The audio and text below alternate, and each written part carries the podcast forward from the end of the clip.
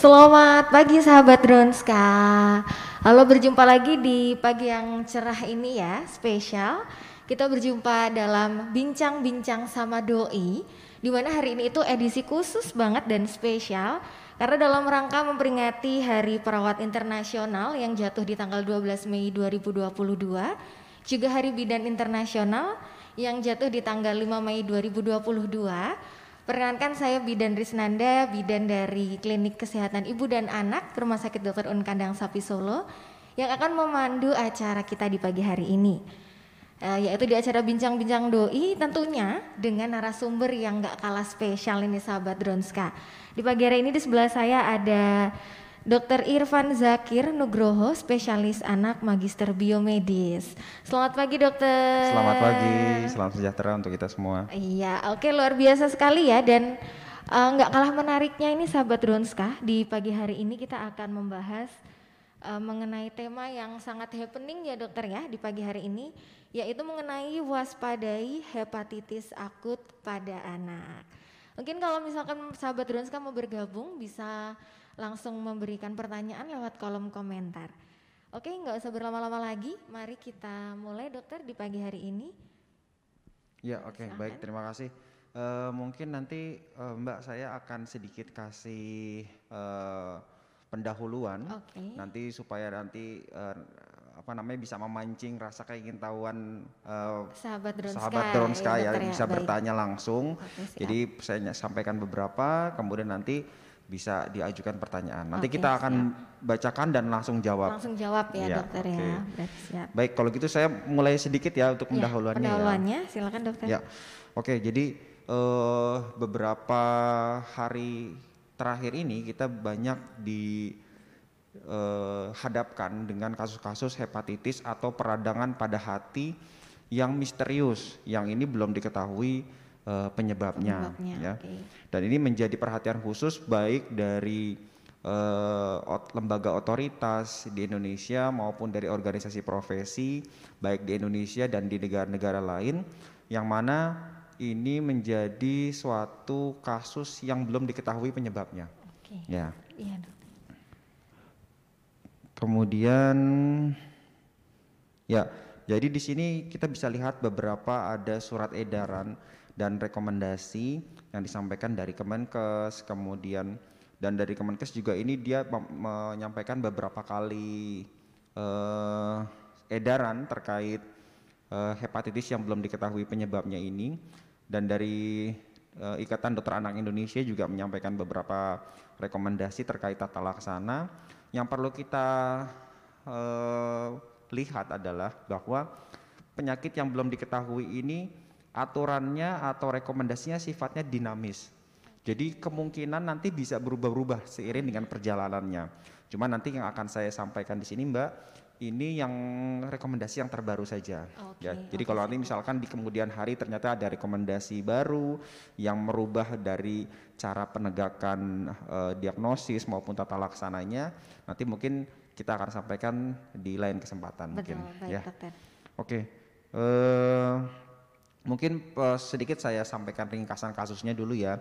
Jadi uh, hal ini dimulai pada bulan April tahun 2022 awal. awal itu. itu ada 10 kasus hepatitis akut yang penyebabnya belum diketahui.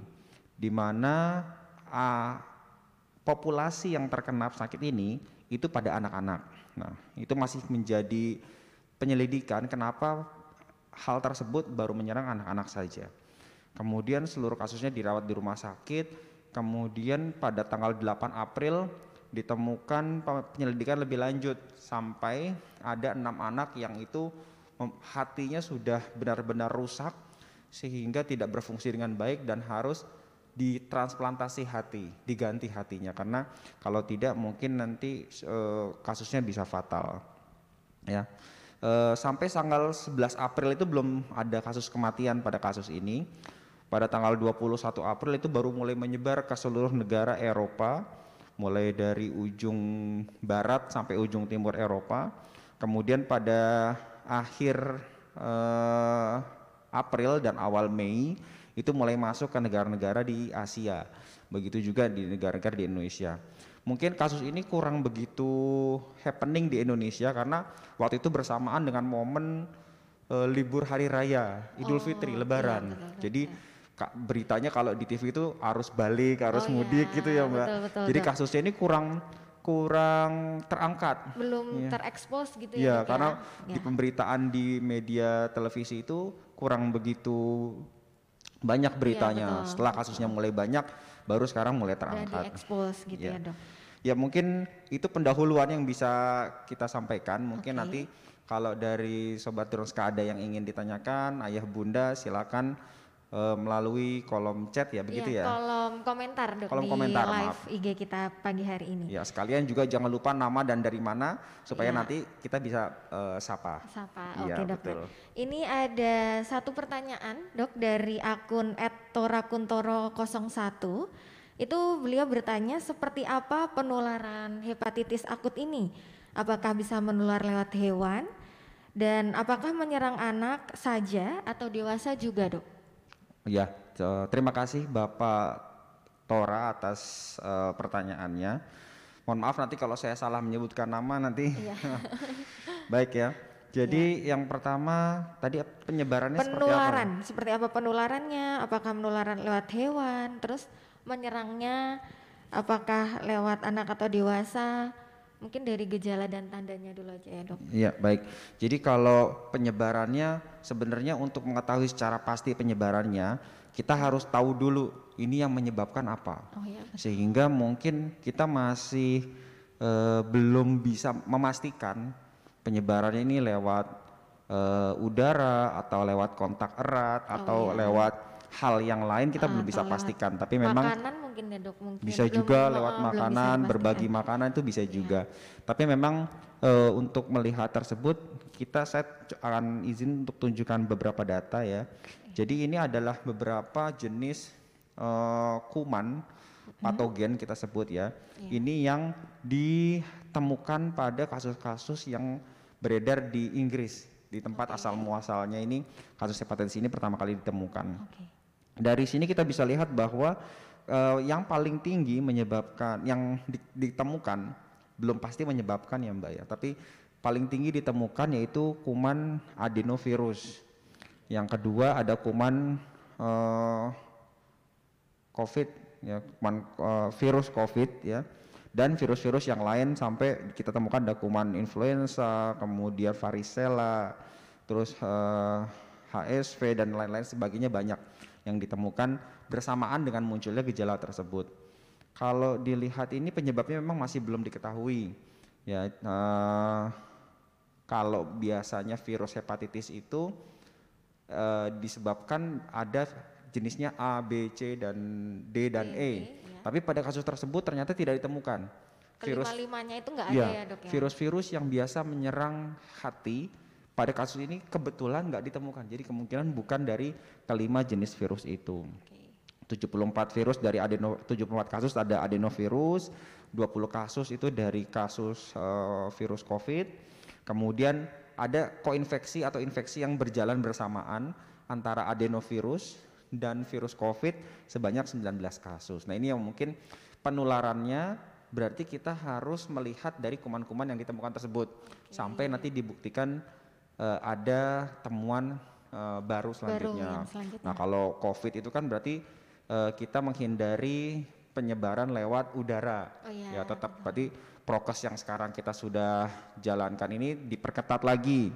Kemarin mungkin pada saat eh, liburan panjang itu prokesnya mulai Prokesnya kendor. mulai kendor, Iya. iya. Nah, sekarang eh, Bapak Ibu mungkin bisa diperketat lagi untuk anggota keluarganya, terutama anak-anak di rumah mungkin bisa lebih, diper- menjaga lagi ya, Dok ya, Betul. ya? Nah, kemudian juga ada virus yang ditemukan ini yang yang mayoritas adenovirus. Nah, adenovirus itu dia kontak erat bisa terus berbagi makanan, makanya mungkin nanti di sesi akhir kita akan sampaikan beberapa pencegahan supaya ini bisa menghindari penularan dari hepatitis eh, ini ya, hepatitis ya. ini. Ya, yang Baik, diduga siap. seperti itu. Kemudian tadi apa lagi pertanyaannya Mbak tadi? Eh, menyerang anak saja atau dewasa juga ya, Dok? Oh ya, jadi eh, pada kasus ini kebetulan yang dewasa ini belum ditemukan ya, ditemukan pada populasi anak-anak dan remaja muda. Ya, Hal ini eh, kenapa disebab kenapa bisa terjadi hal demikian belum diketahui secara pasti. Ada beberapa teori yang dikemukakan oleh para ahli. Yang pertama, pada anak-anak itu memang eh, daya tahan tubuhnya itu variasinya belum selengkap orang dewasa. Oh iya. Sehingga akhirnya mereka bisa lebih gampang menjadi sakit. Apalagi mungkin kalau anak-anak yang imunisasinya nggak lengkap atau mungkin cuma yang dasar aja, nggak yang tambahan nggak dilengkapi. Nah itu mungkin beresiko terkena kasus ini lebih besar, Lebih besar, dibanding pada anak-anak yang imunisasinya sudah lengkap mungkin Yang ya. dasar dan tambahan. Yang tambahan, Oke. betul. Kemudian ada juga yang menyatakan bahwa eh, anak-anak ini pada era pandemi ini kan memang eh, dibatasi aktivitas di luar rumahnya, sehingga di dua tahun belakangan ini anak-anak hanya di dalam ruangan, tidak terpapar dengan dunia luar terlalu sering, sehingga akhirnya daya tahan tubuhnya terhadap benda-benda asing di luar itu kurang berkembang, sehingga ketika datang varian virus yang baru ini yang menyebabkan hepatitis ini, Iya. akhirnya daya tahan tubuhnya kurang baik, akhirnya menjadi sakit pada anak-anak. Lebih rentan sakit ya dok Betul. ya. Betul. Beda kalau orang dewasa kita dulu mungkin masa kecilnya mainnya di luar rumah, Iya, terus akhirnya sungai, gitu ya. kotor gitu kan, maksudnya terpapar dengan lingkungan yang kotor sehingga akhirnya terbentuk antibodi yang baik.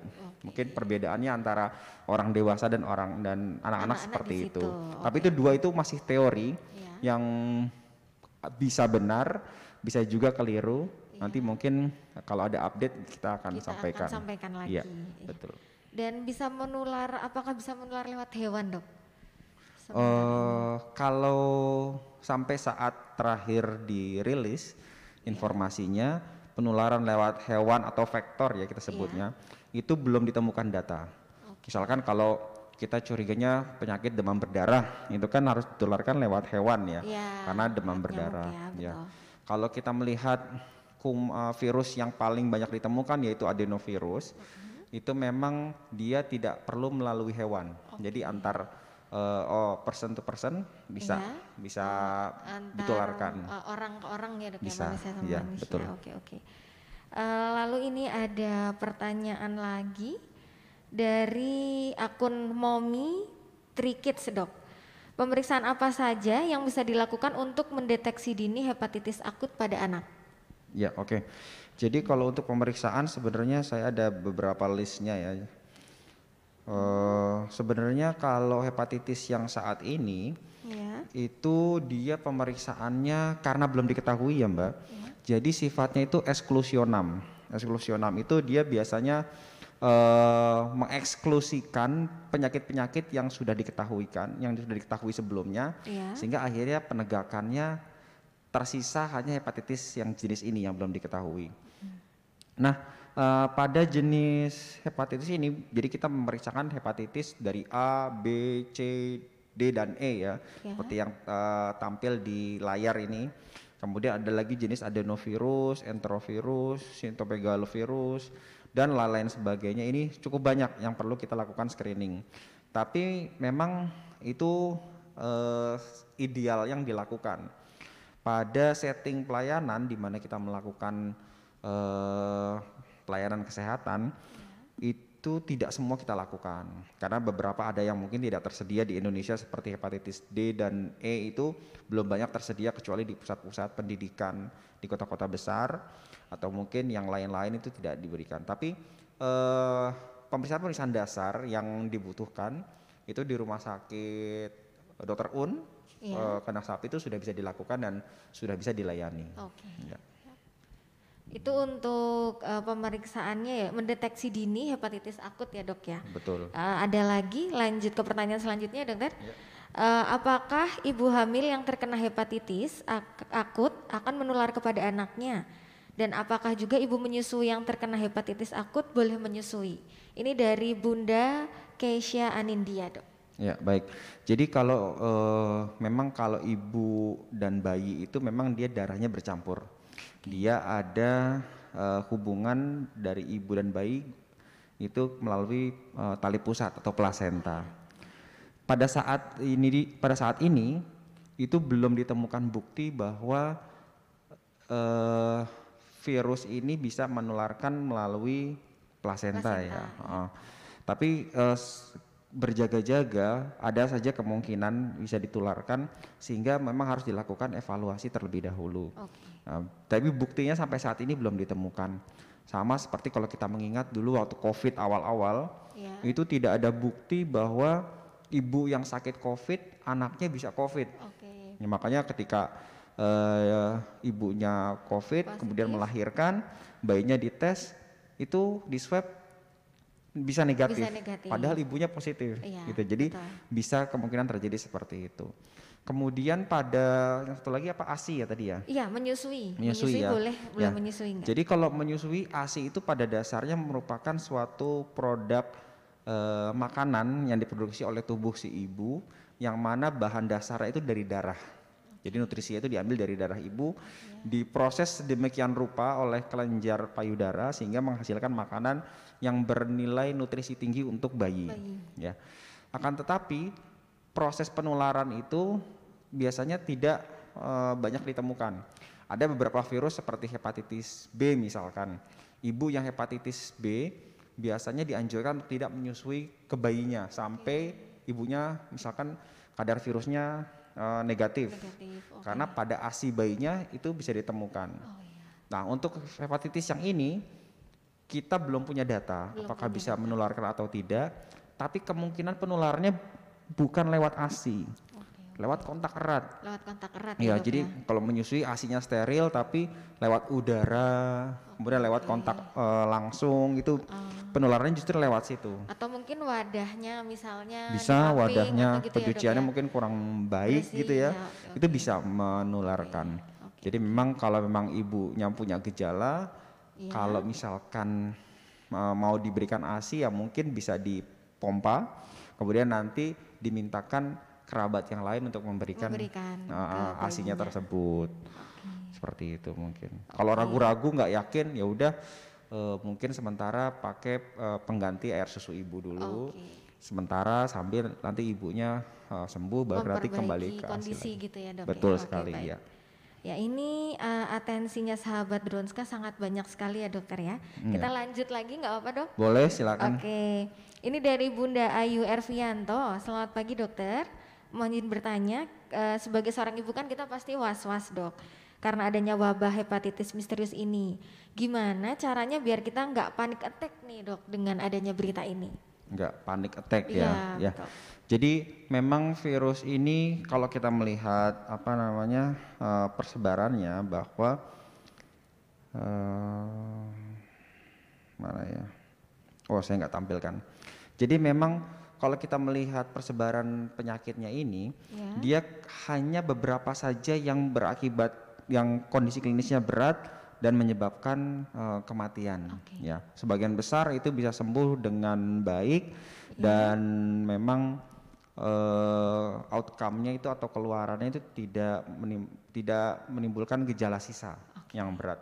Cuma memang eh, pola karena polanya ini belum diketahui sehingga nanti ibu harus mengenali tanda dan gejala awal Oke. ketika terkena penyakit ini karena semakin dini diketahui semakin dini diobati maka hasilnya juga akan semakin baik Iya, ya. untuk penyembuhannya ya betul ya? kalau diketahui sudah sampai kuning itu mungkin nanti hasil akhirnya akan lebih berat Oke.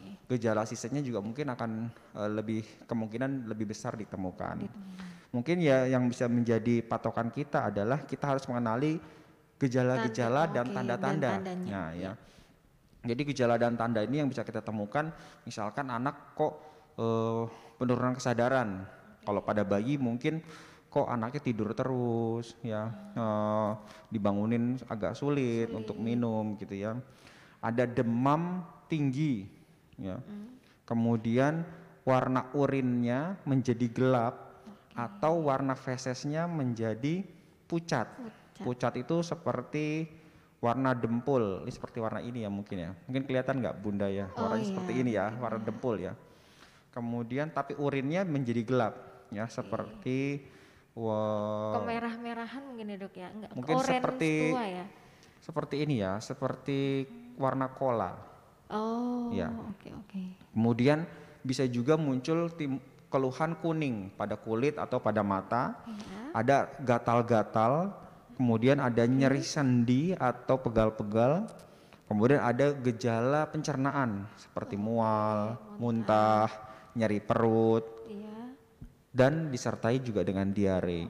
Kalau sampai ditemukan seperti itu, maka sebaiknya dibawa untuk dilakukan pemeriksaan. Oke, ke tenaga kesehatan terdekat ya. Betul, ke fasilitas kesehatan ke terdekat. fasilitas kesehatan. Oke. Nanti dari tenaga kesehatan itu kami eh, dari organisasi profesi sudah dilakukan briefing yang Ya. mana itu nanti langkah-langkahnya itu sudah jelas. Penata laksanaannya sudah ada betul, gitu ya, Dok, ya? betul. Nanti mungkin eh, saya ada di slide yang terakhir tapi itu nanti khusus untuk tenaga medis mungkin Oke. nanti up ketika mungkin eh, nakes tersebut bekerja di klinik atau bekerja di rumah sakit, ada step-step yang bisa dilakukan untuk menegakkan diagnosis dan tata laksananya. Oh iya, Ya.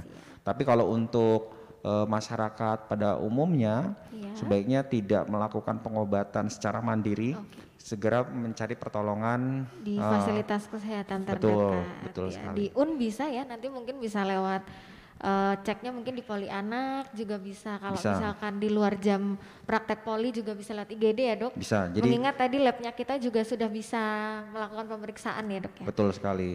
Tapi mungkin kalau misalkan kondisi anaknya kurang stabil gitu ya Oke, mungkin ya. tidak perlu ke poli, bisa langsung ke unit gawat darurat. Oh ya. Karena nanti kalau di poli mungkin ada waktu tunggu, Iya, kemudian yang lain-lain jadi penanganan medisnya menjadi tertunda. Tertunda. Ya. Oke, siap.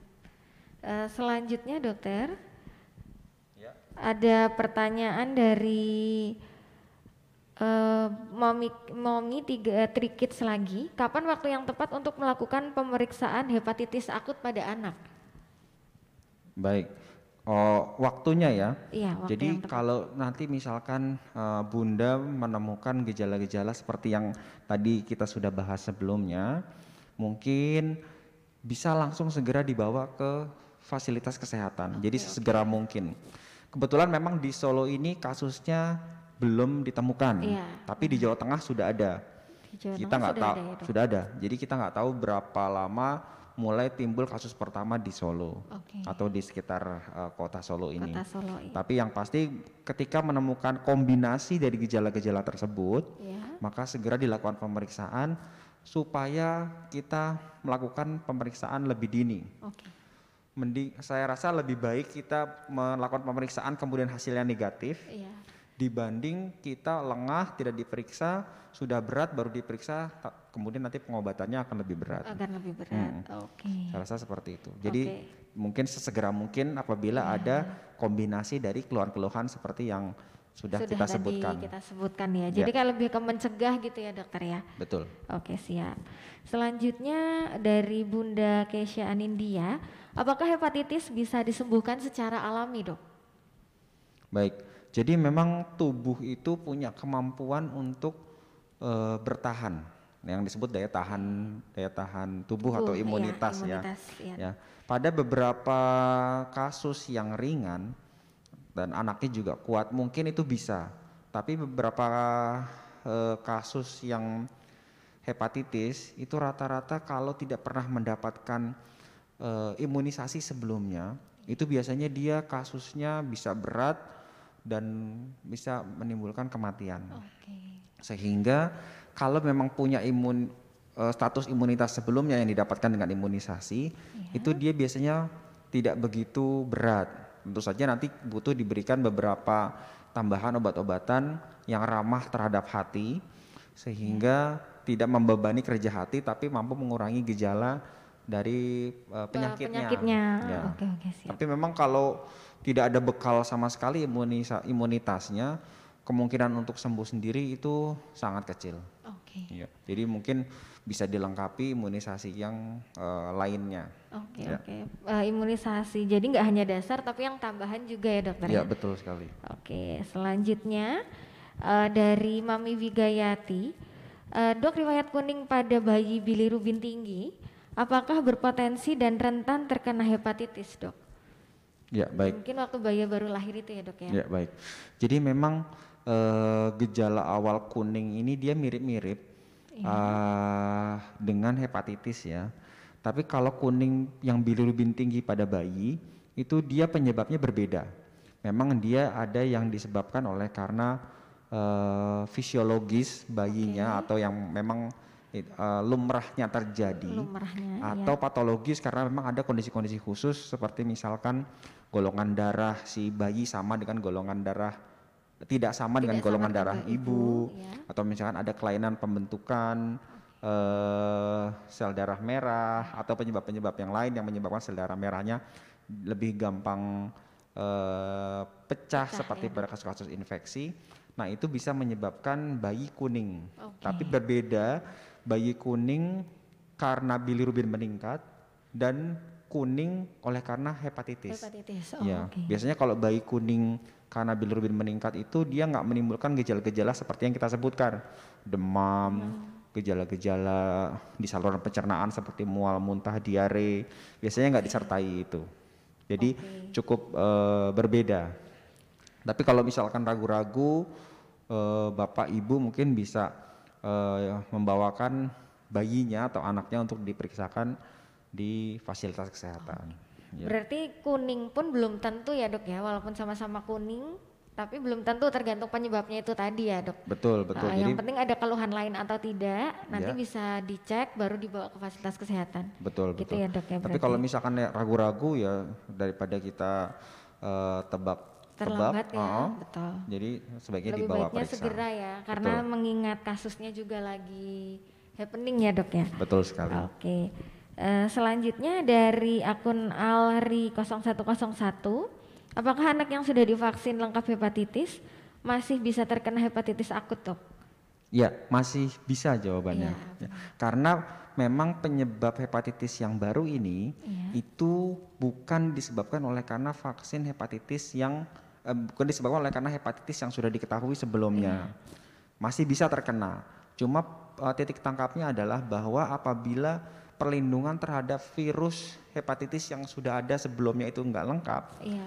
dan terjadi infeksi yang bersamaan dengan virus infek Yang hepatitis yang lain, ini, ya. maka gejalanya bisa lebih berat Oke. dan gejalanya nanti bisa eh, menyebabkan gejala sisa atau bahkan kematian. Sehingga untuk mengurangi derajat keparahan sakitnya, Iya. kita perlu melindungi dari hepatitis yang sudah diketahui sehingga nanti gejalanya nggak terlalu berat. Oke. Seperti itu. Makanya pentingnya untuk melengkapi imunisasi di Betul, situ. Mungkin betul. eh, untuk lebih mudahnya kayak kita kalau naik mobil nggak pakai sabuk pengaman sama pakai sabuk pengaman kan beda. beda. Bukan berarti nggak terhindar dari kecelakaan gitu ya dok Betul, ya. betul. Bisa jadi terjadi sesuatu tapi gejalanya lebih ringan. Betul. Berarti kurang lebih seperti itu ya dok kalau untuk imunisasinya ya. Ini analoginya bagus sekali ya tadi yang Oh, iya. disampaikan. Berarti kurang lebih seperti itu. Nah, kalau misalkan bunda dan ayah nih mau melengkapi imunisasi sekalian ya dok ya. Eh, kita ada klinik imunisasi sendiri, klinik imunisasi anak. Di dokter Un sendiri kita buka hari Rabu sampai Sabtu jam 8 sampai 12 itu dengan dokter umum. Dan spesial kalau mau sama dokter Irfan juga bisa eh, karena tempat kita kan di area sehat ini ayah bunda. Jadi eh, bisa dengan dokter Irfan itu di hari Senin jam 2 siang mulainya ya dok ya. Betul. Juga hari Jumat jam 2 siang. Iya. Itu kalau terkait dengan imunisasi. Ya, Dan Oke. ruang sehat itu kan terpisah dari poli Iya, yang poli yang sakit, ya. Jadi sakit. memang Nah, jadi pola memang penularannya bisa kita Cegah dari situ Iya, ya dok betul. ya. Iya. Oke. Selanjutnya dari Mami Wigayati dok. Jika sudah pernah terkena hepatitis A, apakah bisa terpapar hepatitis B dan yang misterius? Nah, apa yang sebaiknya orang tua lakukan untuk melindungi anaknya? Ya, baik. Jadi memang jawabannya masih bisa. Masih bisa. Karena kalau misalkan hepatitis A-nya sudah lengkap. Iya. Karena hepatitis B bisa, karena memang penyebab virusnya itu berbeda. Tapi saya rasa hepatitis B ini kan sudah menjadi imunisasi dasar Iya, yang didapat oleh bayi-bayi baru lahir usia dua bu kemudian diberikan lagi usia dua bulan, tiga bulan, empat bulan, dapat lagi usia 18 bulan, dapat lagi nanti di saat usia lima tahun atau pada saat nanti di sekolah Iya, ya. betul. Saya rasa perlindungan hepatitis B itu sudah cukup baik Cukup baik, untuk ya. di Indonesia.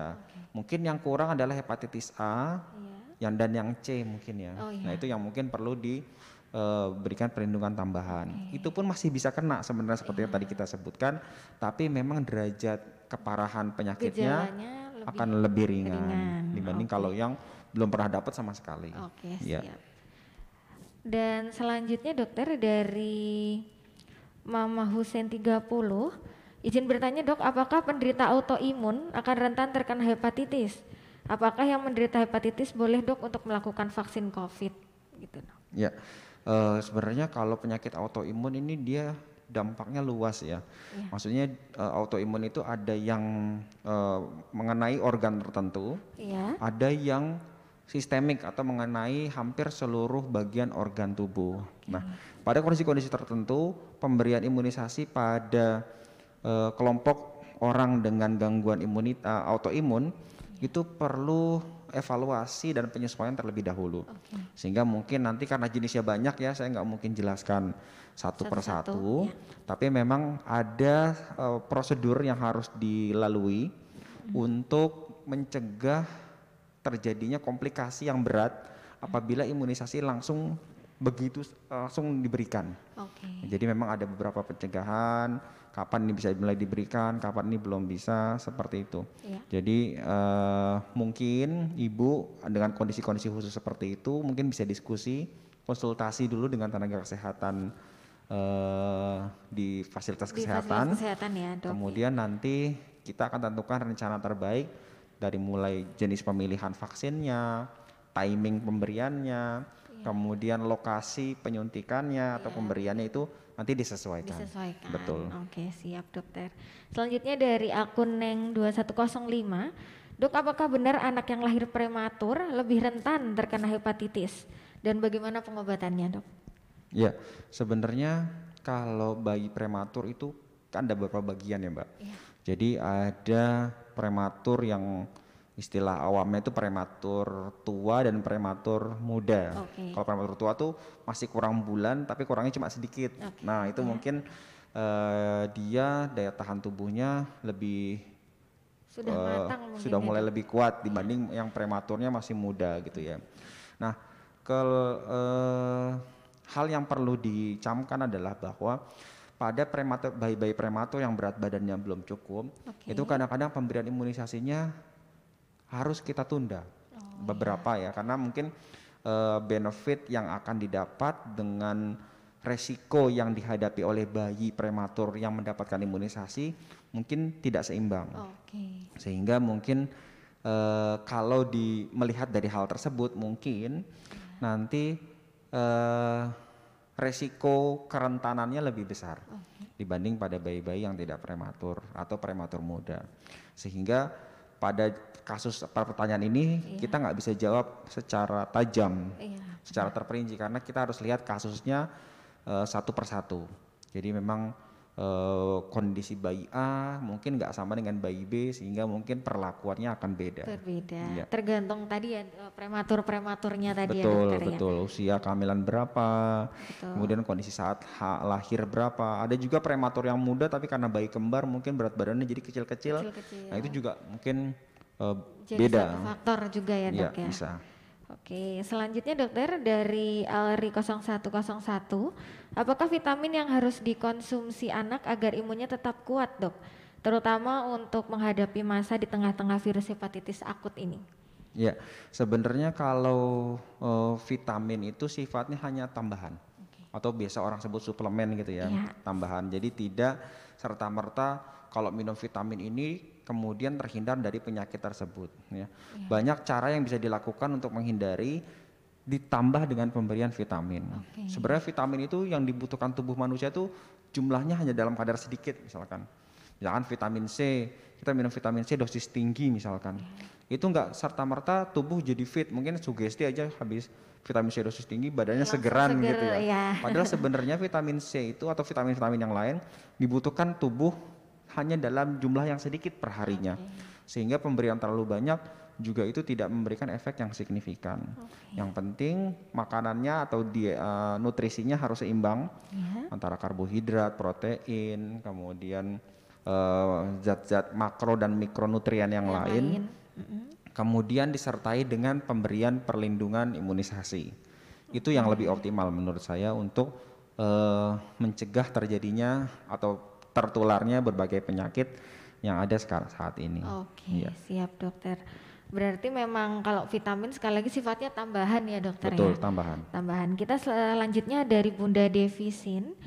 Bagaimana apabila anak 10 tahun belum pernah sama sekali mendapatkan vaksin hepatitis, Dok? Apakah bisa dimulai vaksin dari awal, Dok? Uh, berarti ini vaksin hepatitis B yang ya. diberikan pada imunisasi dasar juga belum pernah ya? Kemungkinan belum ya. Kalau ya. asumsinya seperti itu ya. ya. Baik. Jadi memang ada beberapa vaksin yang optimal diberikan berdasarkan usia. Misalkan kayak hepatitis B seperti yang tadi kita sebutkan usianya, hepatitis A yang bisa diberikan mulai usia 12 bulan, bulan ya. ya. Itu memang optimalnya seperti itu. Tapi kalau misalkan belum pernah dapat sama sekali, itu memang ada program catch up namanya. Okay. Jadi kita kejar pemberian imunisasinya tentunya dosisnya nanti beragam. Ya. Tidak sama seperti dosis yang uh, diberikan pada waktunya optimal ya. Oh. ya.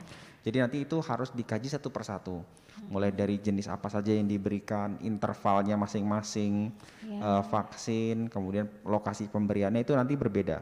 Tiap-tiap okay. anak berbeda. Mungkin nanti bunda kalau misalkan ingin lebih detail terkait kasus pemberian imunisasi pada anak umur 10 tahun mungkin ya, ya. mungkin nanti kita harus lihat dulu imunisasi dasarnya sudah dapat sampai mana. Okay. Tambahannya sudah pernah dapat atau apa belum. Saja, Kalau ya. sudah pernah dapat apa aja yang sudah didapat. Okay. Nanti kita akan bikin program catch up-nya yang mana masing-masing anak itu mungkin akan bervariasi.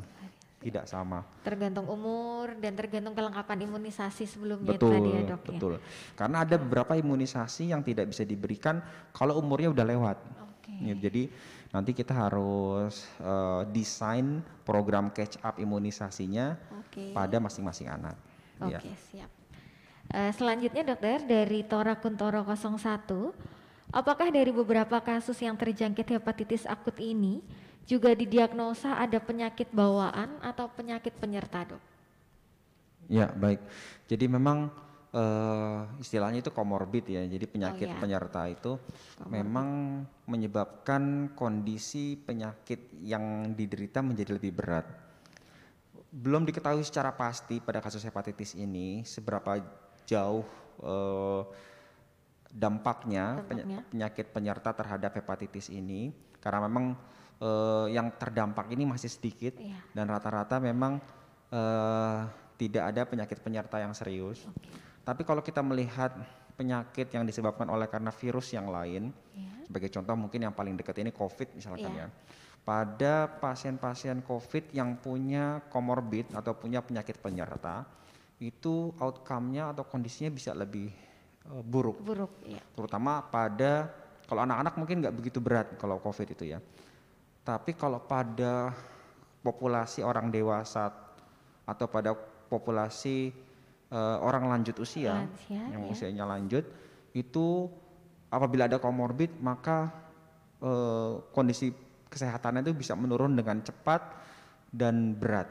Okay. Sehingga kemungkinan hepatitis ini kalaupun mengenai populasi dengan penyakit penyerta kemungkinan nanti juga hasilnya lebih berat. Lebih berat juga ya, ya dok ya. Baik, Tapi memang belum ada data ya karena memang uh, jumlah populasi pasien hepatitis akut yang belum diketahui ini masih belum banyak sehingga okay. data yang ditemukan belum bisa menyimpulkan pertanyaan tadi. Iya, Tapi seperti yang tadi saya sampaikan di awal bahwa penyakit yang baru ini sifatnya dinamis. Jadi nanti kalau ada update, ada kabar terbaru nanti kita akan uh, pasti infokan ya dokter. Betul, betul baik, sekali. Baik, baik.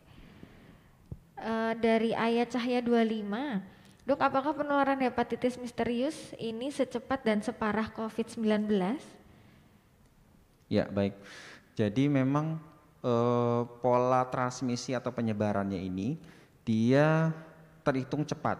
Jadi mau akhir bulan awal April di Inggris, kemudian akhir bulan April itu sudah menyebar sampai ke Asia. Yeah. Dan di belahan dunia lainnya, memang terhitung cepat ya penyebarannya, tidak seperti mungkin COVID pada awalnya itu dia hanya, hanya di, di Cina Wuhan, gitu ya. ya. Pada akhir 2019 di Wuhan, masuk Indonesia baru tiga bulan kemudian iya, pada kalau nggak salah bulan ya, Maret iya. 2020 ya. Iya, betul. Jadi butuh waktu sekian bulan untuk masuk ke Asia. Nah hepatitis ini dia penyebarannya lebih cepat. Iya. Uh, penyebabnya kita belum bisa pastikan karena betul. memang organisme penyebab sakitnya itu belum bisa diidentifikasikan dengan jelas. Uh -huh. Tapi memang gejalanya tidak uh, seberat COVID Oke. pada kebanyakan. Walaupun beberapa kasus sampai ada yang berat sampai membutuhkan transplantasi hati. Iya. Ya. Sekali lagi mungkin pertanyaannya yang ditanyakan ini kita nggak bisa jawab dengan eh, puas ya, dengan betul. lengkap karena memang datanya belum lengkap. Iya. Tapi yang pasti untuk eh, Indonesia ini sudah masuk kasusnya sehingga yang bisa Bapak Ibu sahabat Donska lakukan lakukan. adalah mengenali lebih dini gejala-gejalanya, kemudian membawa ke pusat fasilitas kesehatan untuk mendapatkan eh, terapi dan tata laksana lebih awal. Oke. Karena makin cepat diketahui, makin cepat diobati, hasilnya bisa lebih baik. Lebih baik ya. Ya. Eh, mungkin kalau dulu di COVID-19 kan kita kayak mengenal kayak terkonfirm kayak gitu-gitu ya dok. Kalau di hepatitis B ini apakah ada dok? Eh, Ya. Jadi kayak gejalanya ya diagnosanya. OTG ada yang terkonfirm Ya, kayak betul. gitu. Nah, bedanya itu COVID itu pada awal-awal kan memang awal, eh, dia sudah jelas Iya, kuman penyebabnya itu karena kuman eh, corona. iya virus ya. Virus ya, corona corona. ya, Oh, virus corona maaf. Jadi sudah di- diidentifikasi dari awal bahwa penyebabnya adalah virus corona. Nah virus corona itu memang dari beberapa puluh tahun yang lalu sudah ada. Oke. Cuma jenis terse- jenis tertentu ini yang menyebabkan COVID dan sudah diidentifikasi, akhirnya kita bisa lihat Oke. kapan dia terkonfirmasi, kapan dia kemungkinan tersangka gitu ya, Iya. kapan dia terkonfirmasi tapi tanpa gejala Oh itu iya benar. eh, sudah bisa. Tapi kalau hepatitis ini karena kita belum tahu Oke oke. virus hepatitis yang sudah ada saat ini dari A sampai E ternyata tidak ada yang menyebabkan penyakit, Penyakit ini, ini. Ya, sehingga Oh, iya, siap. akhirnya para ahli ini masih dalam proses eh, penelitian ya dok ya. Penyidikan, penyidikan. tentang kira-kira apa sih yang menyebabkan ini. Oke Begitu. siap dokter. Ya mungkin nanti kalau ada info terbaru nanti bisa kita kita sampaikan. sampaikan lagi. Betul. Ya, ini ada lagi yang bertanya dok dari akun Bunda Kesya Anindya. Apakah anak yang terkena hepatitis akut harus isoman dok agar tidak menular? Ya, ka- kalau isoman itu kan berarti mandiri di Mandiri rumah di ya. rumah. ya. Sedangkan gejala pada hepatitis ini cukup berat. Saya rasa kalau isoman kurang tepat. Kurang tepat Ya, ya, jadi ya. ka- pada pasien hepatitis akut yang ini yang gejalanya berat itu mungkin harus dirawat di pelayan- pusat pelayanan kesehatan di rumah Oke. sakit. Karena yang eh, kondisi medis yang pasti terjadi misalkan dia mual muntah kemudian cairannya tidak bisa masuk ya dari oral Oh, iya. akhirnya mengalami dehidrasi dan itu bisa menyebabkan eh, kondisi yang berat Oke. kalau tidak segera ditata laksana sehingga tidak mungkin menjalani isoman diri di Rumah, rumah, dengan iya. gejala penyakit yang berat seperti ini. Iya, karena butuh tambahan nutrisi dari cara lain ya dok ya. Betul. Mungkin kalau secara makan minum dia nggak bisa, berarti harus segera ke fasilitas kesehatan nih untuk Betul. mendapatkan penanganan lebih Iya, lanjut. jadi isoman apabila gejalanya berat itu tidak direkomendasikan. Oke, siap. Ini ada dari Ayu Cahya 25, dokter. Anak seperti apa yang berpotensi lebih besar terkena hepatitis misterius, dok? Ya, sebenarnya penyebaran atau transmisi hepatitis ini cukup acak ya. Iya. Jadi dia random mengenai eh, anak-anak dan ini polanya belum kelihatan. Iya. Sehingga pertanyaan yang tadi sepertinya belum bisa terjawab.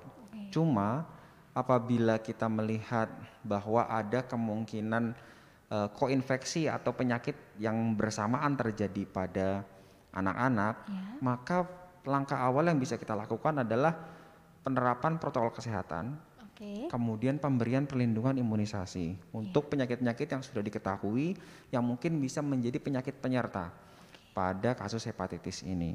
Sehingga mungkin itu yang bisa kita lakukan saat ini. Sambil terus kita berupaya berusaha dan berdoa. Mudah-mudahan nanti tidak ada yang mengenai anak-anak atau kerabat kita dari penyakit ini mungkin Oke, Ya. siap, dok. Eh, selanjutnya dari Ana Oliviana, dokter. Eh, jelaskan adenovirus seperti apa dan adanya pencernaan dan akhirnya ke lever apakah bisa ke tempat lain, dok? Mungkin virusnya ya, dokter ya. Hmm. Dan apa vitamin apa yang bisa membentuk daya tahan tubuh untuk kebal terhadap hepatitis akut ini? Ya, baik. Jadi eh, perlu saya sampaikan di awal bahwa adenovirus ini bukan atau belum ditentukan sebagai penyebab pasti hepatitis akut akut, ini. oke. Ya. Cuma karena memang pada datanya itu ditemukan mayoritas ketika dicek adenovirus itu juga positif. Iya. Jadi kemungkinan eh, adenovirus ini memegang peranan penting dalam proses penularan dan eh, penyebab kesakitan pada hepatitis, Hepatitis akut ini, Ya. ya. Nah, adenovirus itu perlu kita ketahui bahwa adenovirus itu jenisnya banyak, variannya banyak. Seperti Ya. COVID variannya banyak ya. Oke. Demam berdarah juga variannya cukup ada empat ya yang diketahui. Nah, adenovirus ini juga penyebabnya banyak. Oke. Sebagian besar mungkin kita pernah terpapar adenovirus. Ya kalau dicek mungkin adenovirusnya bisa aja di- Ada kita gitu ya, positif. Dok, ya. Adenovirus itu sebenarnya diambil dari kata adenoid virus. Iya. Adenoid itu uh, tonsil atau amandel. Jadi virus yang Oh. biasanya menyerang amandel, menyebabkan peradangan dan uh, amandelnya membesar. Ya. Cuma jenis-jenisnya itu ada banyak. Nah, jenis adenovirus yang 41 Iya. itu termasuk varian dari adenovirus yang selain ke pernafasan bisa menyerang juga ke pencernaan dan ke hati. Oke. Sehingga makanya yang lagi banyak ditemukan ini adenovirus 41 ini yang banyak eh, diperbincangkan. Perbincangkan, baik Ya. dokter. Sebenarnya kalau vitamin nggak ada yang spesifik, tapi mungkin vitamin-vitamin yang dibutuhkan untuk hati untuk memperbaiki fungsinya ketika mengalami eh, jejas atau inflamasi atau peradangan karena virus ini, mungkin seperti multivitamin yang lengkap dari vitamin A, vitamin D, vitamin E, vitamin K, yang itu semua sebenarnya nggak perlu tambahan vitamin. Oke. Kalau kita makannya menunya seimbang, itu semua sudah ada di dalam makanan kita sehari-hari. Cuma balik lagi, Sudah terpenuhi ya dok berarti ya? betul. Cuma balik lagi, pola makan kita mungkin yang masih belum ideal, Oke. sehingga akhirnya makannya cuma yang em, makanan cepat saji atau Iya. makanan ultra proses ya, Atau yang makanan yang lagi hits ya dok ya, minuman yang lagi hits ya. Betul dok. lah, mungkin itu bisa direm-rem sedikit Iya. ya supaya kita menjaga asupan tubuh supaya tetap fit. Baru mungkin setelah itu terpenuhi bisa ditambahkan dengan multivitamin seperti itu. Oke siap dok. Ini dari Bunda Ida Faika dokter. Misal anak ada kegiatan berenang di masa seperti ini, itu boleh dilanjutkan atau ditunda dulu dok? Dan apakah dari berenang itu bisa menularkan virus hepatitis ini? Ya, jadi salah satu metode penularan yang kemungkinan diprediksi menyebabkan transmisi dari penyakit ini adalah satu penggunaan penggunaan tempat makan bersama. Oke. Misalkan kalau kita makan di eh, restoran, Restoran, begitu ya, penggunaan tempat makan bersama mungkin eh, pembersihannya itu kurang ideal, Iya. bisa menyebabkan penularan. Atau mungkin juga berbagi makanan, ya. Atau mungkin juga ada media atau perantara yang bisa menularkan makanan, menularkan virus. Oke. Nah, salah satunya memang berenang. Oh, Jadi kalau kita berenang atau di pemandian umum itu bisa eh, kemungkinan besar bisa menyebabkan transmisi. transmisi penularannya ini Iya, ya dok. kalau misalkan dipastikan semuanya aman ya mungkin nggak apa-apa. Mungkin kolam renangnya khusus untuk keluarga yang mana nggak ada yang lain ikut Yang dan keluarga Pri- yang private gitu ya dok ya. ya heeh, itu mungkin bisa, itu tidak perlu dibatasi. Tapi kalau di pemandian umum atau di kolam renang umum yang kita nggak tahu nih siapa aja yang masuk ke sana, Iya, betul. kondisi kesehatannya gimana, mungkin untuk saat ini direm-rem dulu. Iya, Nggak usah dulu ya. dulu ya, Ya, dokter ya betul. berarti ya. Sebaiknya jangan dulu. Oke oke. Ya. Eh, dan dari akun Yudi Chan dokter, apakah sudah ada kasus yang berhasil sembuh sempurna pada kasus ini? Ya, jadi eh, di Inggris itu Ya. ada yang sembuh dan memang eh, jumlahnya lebih banyak dibanding yang mengalami kondisi yang berat. Oke. Ya, jadi eh, setelah dilihat bahwa yang sembuh-sembuh, yang bisa sembuh dengan baik ini Ya. ternyata memang ditemukannya sejak dini. Iya. Jadi sejak dini langsung ditangani. Oke, lebih awal gitu ya dok. Betul, dan kondisi perlindungan daya tahan tubuhnya cukup baik. Bisa dari Oke. nutrisinya yang baik, penetapan protokol kesehatan, dan imunisasi. Oke, yang penting itu ya dokter Jadi ya. kalau kita menjalani semua itu, itu sebagai bagian dari ikhtiar atau usaha kita untuk menjaga kesehatan, sambil nanti kita berdoa, mudah-mudahan kita tidak terkena penyakit yang, Yang akut dan akut misterius ini ya. Betul, Ya. amin amin. Selanjutnya dokter dari Mami Wigayati, uh, apa yang sebaiknya orang tua lakukan dok untuk melindungi anaknya ya di masa hepatitis akut ini? Ya, jadi yang sebenarnya pertanyaan ini sudah terjawab uh, dari beberapa paparan yang kita sudah sampaikan kita ya. Tadi, ya. Cuma ini oh. memang uh, mengingat waktunya uh, sudah uh, mendekati ya, akhir ya, ya mungkin sekalian aja mungkin nanti kita sampaikan. Ya. Jadi untuk pencegahannya ini uh, bisa kita lakukan beberapa tips okay. ya untuk uh, melakukan pencegahan. Seperti misalkan ya balik lagi ke protokol kesehatan mencuci tangan, minum air bersihnya yang matang ya. Kemudian makan makanan yang bersih dan matang. Jadi kalau kita suka makan makanan yang setengah matang itu atau makanan-makanan yang mentah mungkin iya, ya. Betul. Nah, itu mungkin sementara dihindari dahulu. Kemudian membuang tinja dan popok sekali pakai pada tempatnya. Nah, karena memang beberapa virus hepatitis ini diketahui penyebarannya fekal oral okay. atau dari tinja kemudian terpapar kemudian akhirnya masuk ke mulut ya bisa yeah. aja iya. mungkin cuci tangannya kurang bersih dan itu bisa uh, kalau dibuang di tempat sampah yang biasa dia bisa tercemar ke tanah. Okay. Makanya untuk uh, tinja itu harusnya dibuang ke dalam toilet.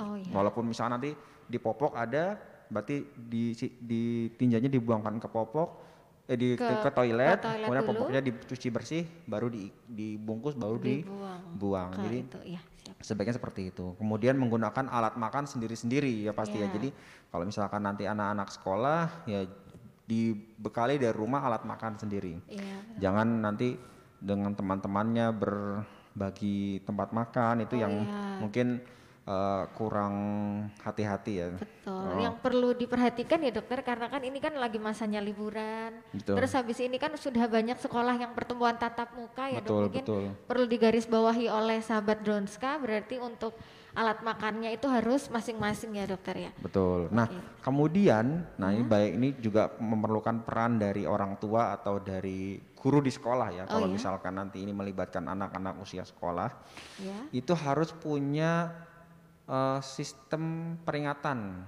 secara dini. Jadi kita harus bisa mengenali gejala-gejalanya, mampu mendeteksi kalau ada yang mengalami gejala-gejala tersebut ya. langsung diperiksakan dan dibawa ke fasilitas kesehatan. Okay. Ya seperti yang tadi kita sebutkan anak-anak ada kuning, ada gejala mual muntah, diare, nyeri perut, penurunan kesadaran bahkan sampai ada yang kejang ya, ya disertai okay. dengan demam. Maka kalau ada gejala-gejala tersebut kita langsung wah waspada nih jangan-jangan okay. kasus yang lagi, lagi tren sekarang nih sekarang. langsung okay. diperiksakan jangan sampai bercampur dengan anak yang lain sampai menyebabkan transmisi atau penularan. Penularan. Mungkin ya, ya kayak ukur suhu ya kayak kalau uh, masa Covid ini kan kita sebelum masuk harus ukur Betul. suhu kayak gitu mungkin ya, Betul, ya dokter bisa. ya. Oke oke. Selanjutnya hmm. dokter. Sudah seperti Sudah. itu. Itu pencegahannya kurang lebih seperti ya, itu seperti ya dokter itu. ya. Saya rasa dengan metode pencegahan yang seperti ini, ya. mudah-mudahan bisa menjaga anak-anak dan kerabat kita dari hepatitis dan bisa uh, mencegah anak-anak yang sehat tidak tertular. Ter tidak tertular. Oke. Okay. Iya. Uh, selanjutnya dokter, uh, kita mungkin bisa menjawab satu pertanyaan terakhir ya dok, karena waktunya terbatas. Boleh, silakan. Nanti untuk pertanyaan-pertanyaan yang sudah masuk tetap kita rangkum dan mungkin akan kita uh, bantu jawab di uh, kesempatan lain. Tenang saja sahabat Dronska karena atensinya sangat banyak ya dok. Mengingat oh iya, banyak ya kasusnya ya banyak ya. sekali dok ini. Oh, Mengingat mungkin kasusnya lagi ini ya, berikutnya ya, waktunya mungkin nggak sejam ya, mungkin bisa lebih ya. Uh, uh, Tapi nggak mungkin lebih dari sejam ya ini. Oke, ada okay. yang juga bilang ada satu pertanyaan ya dokter dari Francisca Evodia ini. Ini Baik. menyapanya begini, Dokter Irfan kesayangan Dek Teresia Bestari. Wah, Waduh, berarti dokter kesayangan ini ya, memang ya. ya okay. Secepat apa penularan penyakit ini, Dok? Atau ada penyakit penyerta? Mungkin tadi sudah ya, Dokter. Ya. Bisa ya. diulang Ya, mungkin lagi. nanti uh, apa namanya bisa kita uh, lihat nanti di rangkuman yang sebelumnya bahwa kecepatannya ini memang lebih cepat dibanding COVID. COVID Karena ya. dari tempat asalnya sampai ke Indonesia ini membutuhkan waktu yang lebih singkat. Cukup singkat ya iya. dok. Tapi memang eh, apabila pencegahannya dilakukan dengan tertib, dengan baik, hmm. mudah-mudahan tidak sampai sakit. Oh, ya. Dan untuk mencegah tadi ya dok ya, kembali hmm. lagi kan kita mungkin bisa membantu dari anak-anak biar uh, nyaman itu kan bisa sehat. Nah, kalau misalkan sahabat Dronska mau membantu anak-anak yang merasakan lebih nyaman dan misalkan mau imunisasi seperti tadi kan kita punya ruang tunggu khusus dok kalau di rumah sakit dokter On. Ya, Untuk imunisasi kita punya ruang tunggu yang khusus area sehat, jadi khusus bayi sehat. Ada ruang menyusuinya juga bisa di situ. Uh, itu bisa ke KIA Rumah Sakit Dokter Un Kandang Sapi Solo. Juga ada pijat bayi yang dibuka Senin sampai Sabtu jam 8 sampai jam 12.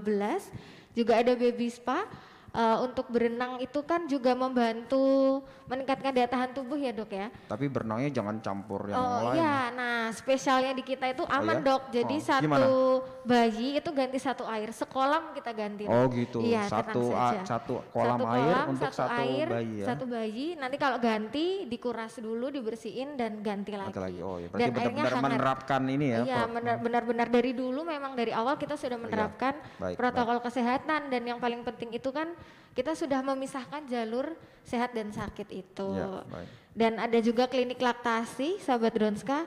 Uh, sekali lagi kan nutrisi itu baik ya dok ya untuk bayi ya. Jadi bagi ibu-ibu yang uh, mengalami kesulitan dalam hal menyusui juga bisa ke klinik laktasi di Rumah Sakit Dokter Un.